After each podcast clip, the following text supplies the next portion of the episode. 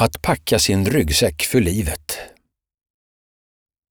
All kunskap är provisorisk. Just nu vet vi sanningen, men den såg annorlunda ut för hundra år sedan och kommer att se annorlunda ut om hundra år. Idag skrattar vi åt många av våra historiska sanningar. Detta kommer att fortsätta. Om du bestämmer dig för att tro på vetenskapen, ja, det är också en tro, får du helt enkelt nöja dig med vad vetenskapen vet idag. Vi vet om att den kommer att revideras med tiden. Så vad är det då egentligen vi tror på när vi alla vet att saker kommer att förändras? Det kan rent av vara värt att fundera på en stund. Sen när det kommer till vad som är sanning och inte, så är ett perspektiv att många av dagens sanningar har skapats av forskare som är avlönade av företag som vill få fram ett visst resultat av sin forskning och därför har ett egenintresse i att vissa saker ses som just sanning. När kunskap nu är på tapeten så är det omöjligt att undvika ämnen som skola och utbildning.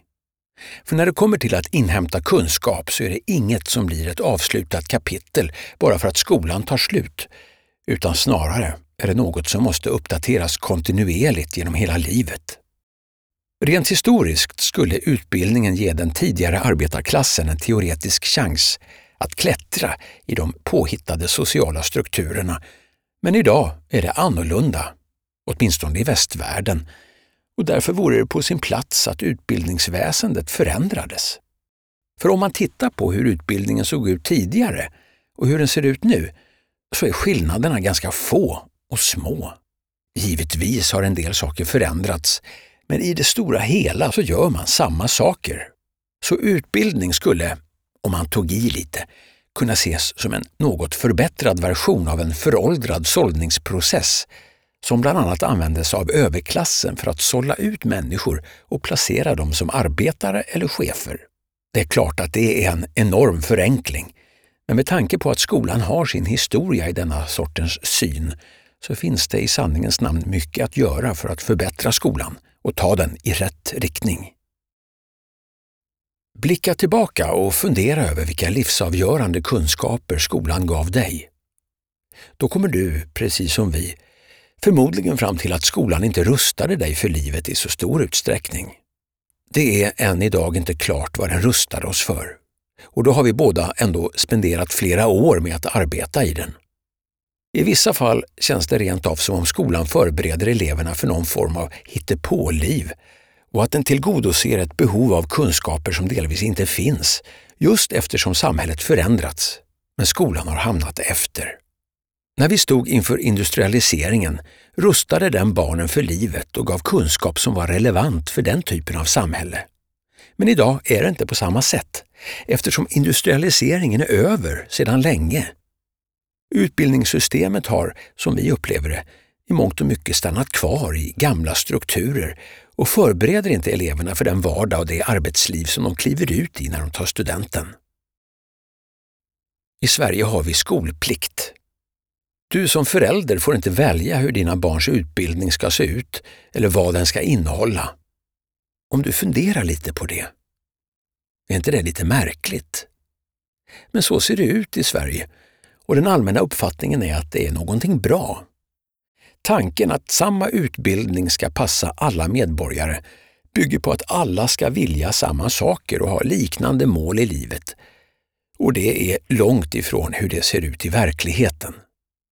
Man bör helt klart fundera på bättre alternativ än att trycka in 30 barn och ge dem samma undervisning oavsett persontyp eller vart individen befinner sig rent kunskapsmässigt.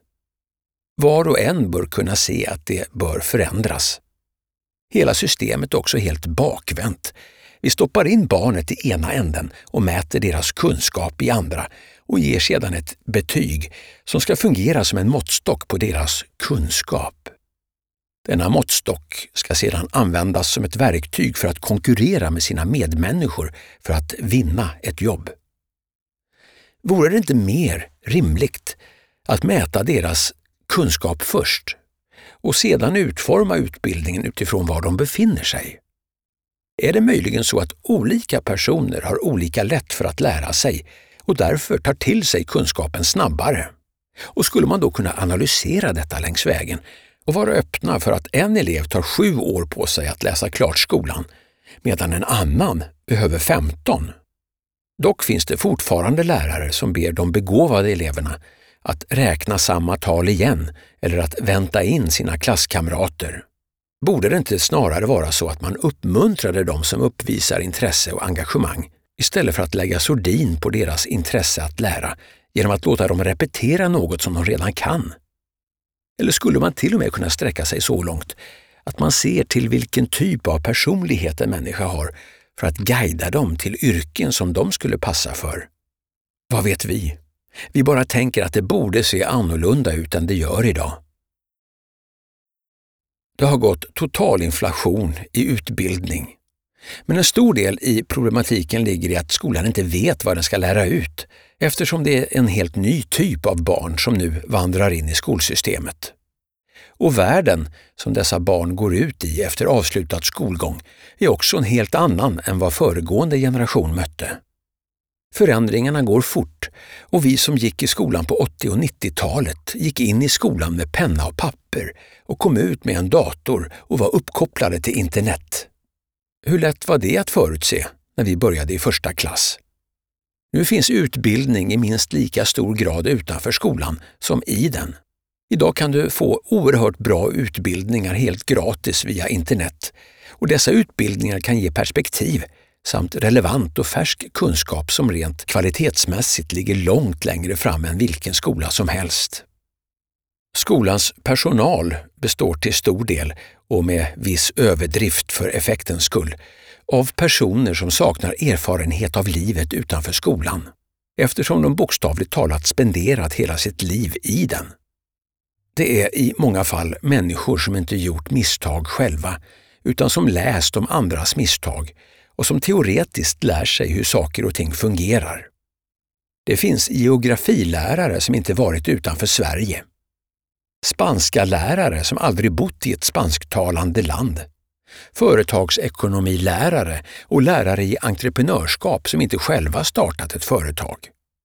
Det är dessa personer som ska förbereda barn och ungdomar för livet utanför skolan. Alltså det som vi kallar för det riktiga livet. Om du har barn bör du på allvar se över vad skolan vill stoppa ner i deras ryggsäckar. Hur mycket av det som skolan stoppar ner kommer dina barn att ha användning för? Finns det något annat som du som förälder kan och bör stoppa ner? Många elever idag inser att den kunskap som erbjuds i skolan inte alls eller i väldigt liten utsträckning förhåller sig till den värld de lever i. Och när lärare och elev lever i olika världar uppstår ett systemfel. Elevernas förtroende för utbildning faller och tron på att denna utbildning ska ge dem en ljus framtid försvinner.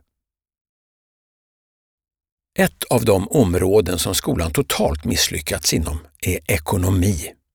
Och då menar vi inte att skolor går dåligt ekonomiskt, vilket säkert kan vara fallet också, utan att de verktyg som man ska kunna förvänta sig att skolan skulle skicka med i ryggsäcken helt enkelt uteblivit. Om du har vandrat genom dagens skolsystem har du fått en gedigen finansiell utbildning. Eller? Vi skojar naturligtvis. Du har fått noll timmars ekonomisk utbildning. Eller möjligen någon timma i hemkunskapen och inom företagsekonomi om du valt den kursen.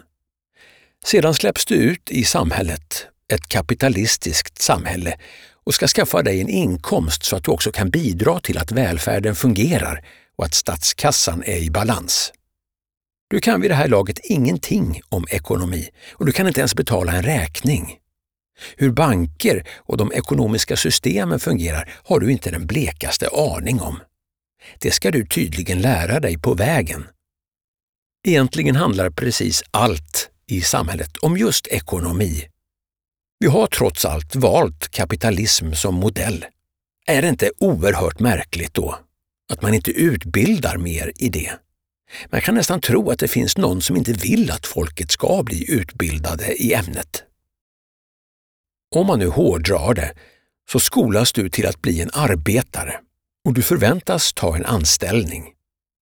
Aldrig någonsin, eller väldigt sällan, nämns några som helst alternativ till detta, vilket leder till att de flesta inte har några andra perspektiv eller alternativ. Om de har det, så har de inte fått dem av sin skola utan förmodligen av någon galen släkting eller tokig entreprenör. Utbildning i den form som skolan erbjuder fungerar enbart om det finns en klar koppling mellan yrkesliv och utbildning, vilket i sin tur vilar på att människor faktiskt vill ha ett arbete. Enligt en del framtidsvisionärer så kommer detta förändras nu när kapitalismen sakteligen dör. Även om det är ett par hundra år kvar tills den gör det. Dock ser vi redan nu ett annat synsätt än tidigare. En anställning är inte längre något som alla människor eftersträvar och företag riktar in sig mer på projekt under en tidsbestämd period. Detta leder med tiden till att utbildningssystemet kollapsar. Diplom och titlar blir helt värdelösa eftersom de inte fyller sitt tidigare syfte, som var att ge arbete. Om du har utbildat dig och bara har en färdighet och den sätter mat på bordet via en traditionell anställning är du sårbar. Om företaget du arbetar för bestämmer sig för att lägga ner eller avskeda människor kan det leda till stora ekonomiska utmaningar eftersom du förmodligen byggt ditt liv kring storleken på din inkomst. Du behöver fler färdigheter. Det räcker inte med en längre eftersom arbetsmarknaden förändras så fort som den gör. Hur många jobb kommer att finnas kvar om 20 år om samma utveckling fortsätter? Tittar vi bakåt i tiden är svaret på den frågan cirka 20 procent. Känner du till exempel någon som arbetar som typograf eller som har haft ett företag som framkallar fotografier från fotorullar? Har du på senare tid varit inne i en butik och sett att det krävs en person för att bemanna åtta kassor? Och denna person är egentligen onödig också, men är ändå där som en service. Visste du att det kan vara robotar som svarar på dina frågor när du ringer kundtjänst? Om 20 procent av jobben från förr är kvar så är det 80 procent av jobben som alltså inte finns kvar. Istället kommer det en uppsjö av nya arbeten, arbeten som vi inte har en aning om vad de innebär idag. Och detta ska skolan försöka utbilda oss för. Så hur ska du kunna veta vilka alternativ som finns om du inte får reda på dem under din utbildning? Leta reda på böcker eller Youtube-klipp som ger dig perspektiv. Sök efter människor som skapat andra sätt att leva på. Det finns massor av alternativ och alternativa tankesätt.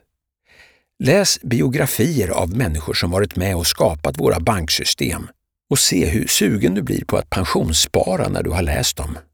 Se dokumentärer om ekonomiska system.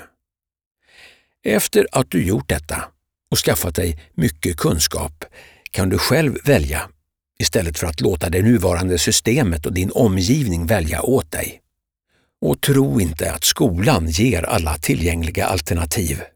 Då är risken stor att du missar en hel värld av möjligheter.